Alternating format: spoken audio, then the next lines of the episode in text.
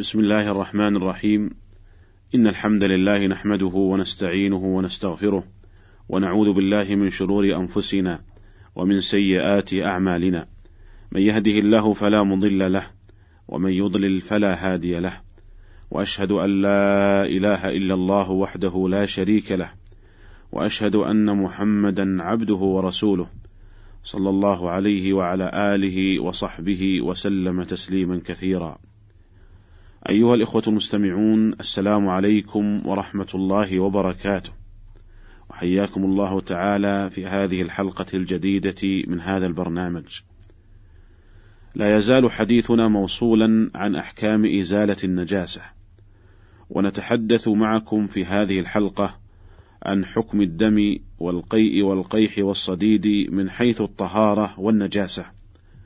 ونبدأ بالحديث عن الدم فنقول إن دم الآدمي إذا كان كثيرا فهو نجس في قول عامة الفقهاء. قال الإمام أحمد الدم لم يختلف الناس فيه أي في أنه نجس. وقال النووي الدلائل على نجاسة الدم متظاهرة ولا أعلم خلافا عن أحد من المسلمين إلا ما حكاه صاحب الحاوي عن بعض المتكلمين أنه قال هو طاهر ولكن المتكلمين لا يعتد بهم في الإجماع. وقال القرطبي اتفق العلماء على أن الدم نجس. وقال ابن حجر الدم نجس اتفاقا. ويدل لنجاسة الدم قول الله تعالى قل لا أجد فيما أوحي إلي محرما على طاعم يطعمه إلا أن يكون ميتة أو دما مسفوحا أو لحم خنزير فإنه رجس أو فسقا أهل لغير الله به. والرجس هو النجس. فدلت الآية على أن الدم المسفوح نجس. والدم المسفوح هو الدم المسال المهراق وهو الكثير. قال الحافظ ابن عبد البر رحمه الله المسفوح وإن كان أصله الجاري في اللغة فإن المعنى فيه في الشريعة الكثير إذ القليل لا يكون جاريا مسفوحا. فإذا سقطت من الدم الجاري نقطة في ثوب أو بدن لم يكن حكمها حكم الدم المسفوح الكثير وكان حكمها حكم القليل ولم يلتفت إلى أصلها في اللغة. انتهى كلامه رحمه الله. والمأثور عن السلف أنه يعفى عن يسير الدم وهو المشهور من المذاهب الأربعة الحنفية والمالكية والشافعية والحنابلة. ونسبه الموفق بن قدامة لأكثر أهل العلم. ومما يدل لذلك من السنة ما جاء في صحيح البخاري عن عائشة رضي الله عنها قالت ما كان لإحدانا إلا ثوب واحد تحيض فيه فإذا أصابه شيء من دم قالت بريقها فقصعته بظفرها. وقولها قالت بريقها أي بلته بريقها. فقصعته بظفرها أي حكته وفركته بظفرها. ووجه دلالة هذا الحديث على العفو عن يسير الدم أن عائشة رضي الله عنها أخبرت أنه إذا أصاب ثوبها شيء من الدم بلته بريقها ثم حكته بظفرها. وهذا يدل على أنه معفو عنه إذ أن الريق لا يطهر الدم. وهو محمول على الدم اليسير وأما الدم الكثير فصح عنها أنها كانت تغسله. وقد وردت آثار عن بعض الصحابة تدل على أنهم يرون العفو عن يسير الدم. فقد جاء عن أبي هريرة رضي الله عنه أنه لم يكن يرى بالقطرتين من الدم في الصلاة بأسا. وعن ابن عباس رضي الله عنهما قال إذا كان الدم فاحشا فعليه الإعادة وإذا كان قليلا فليس عليه إعادة.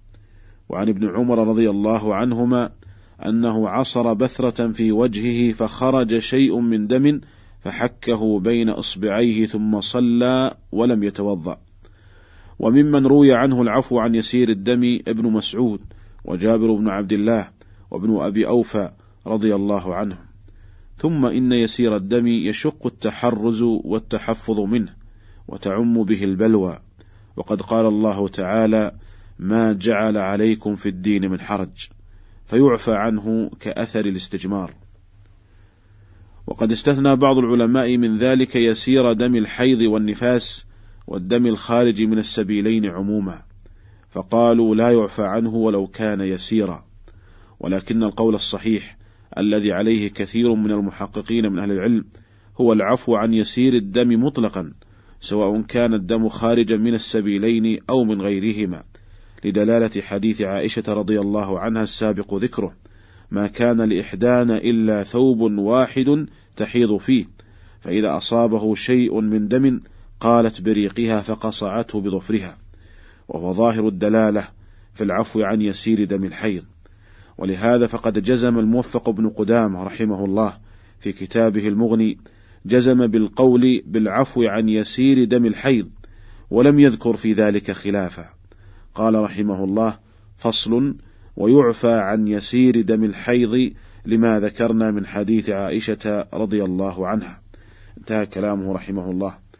وضابط اليسير هو ما لا يفحش عند أوساط الناس فلا عبرة بالموسوسين ولا بالمتساهلين. وألحق بعض الفقهاء القيح والصديد بالدم فقالوا هو نجس إلا أنه يعفى عن يسيره.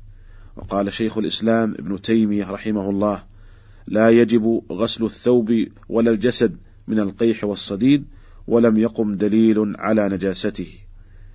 انتهى كلامه رحمه الله أي أنه يرى أن القيح والصديد أنه طاهر وليس بنجس وهو الأقرب والله تعالى أعلم. والحاصل أن الأصل في الدم أنه نجس ويعفى عن يسيره. واستثنى الفقهاء أنواع من الدم حكموا بطهارتها وهي دم السمك ودم الذباب والبعوض ونحوه والدم الباقي من الحيوان بعد تذكيته. أما دم السمك فهو طاهر لحديث أحلت لنا ميتتان ودمان أما الميتتان فالجراد والحوت وأما الدمان فالكبد والطحال. ولأنه إذا كانت ميتته طاهرة كان ذلك دليلا على طهارة دمه فإن تحريم الميتة من أجل بقاء الدم. وأما دم الذباب والبعوض ونحوهما من الحشرات فهو طاهر لأن ميتته طاهرة كما دل لذلك حديث أبي هريرة رضي الله عنه أن النبي صلى الله عليه وسلم قال: إذا وقع الذباب في شراب أحدكم فليغمسه ثم لينزعه فإن في أحد جناحيه داء وفي الآخر شفاء. أخرجه البخاري في صحيحه. ويلزم من غمسه الموت خاصة إذا كان الشراب حارا. فدل ذلك على أن ميتته ليست بنجسة، إذ لو كانت نجسة لما أمر النبي صلى الله عليه وسلم بغمسه في الشراب. وإذا كانت ميتته طاهرة كان ذلك دليلا على طهارة دمه.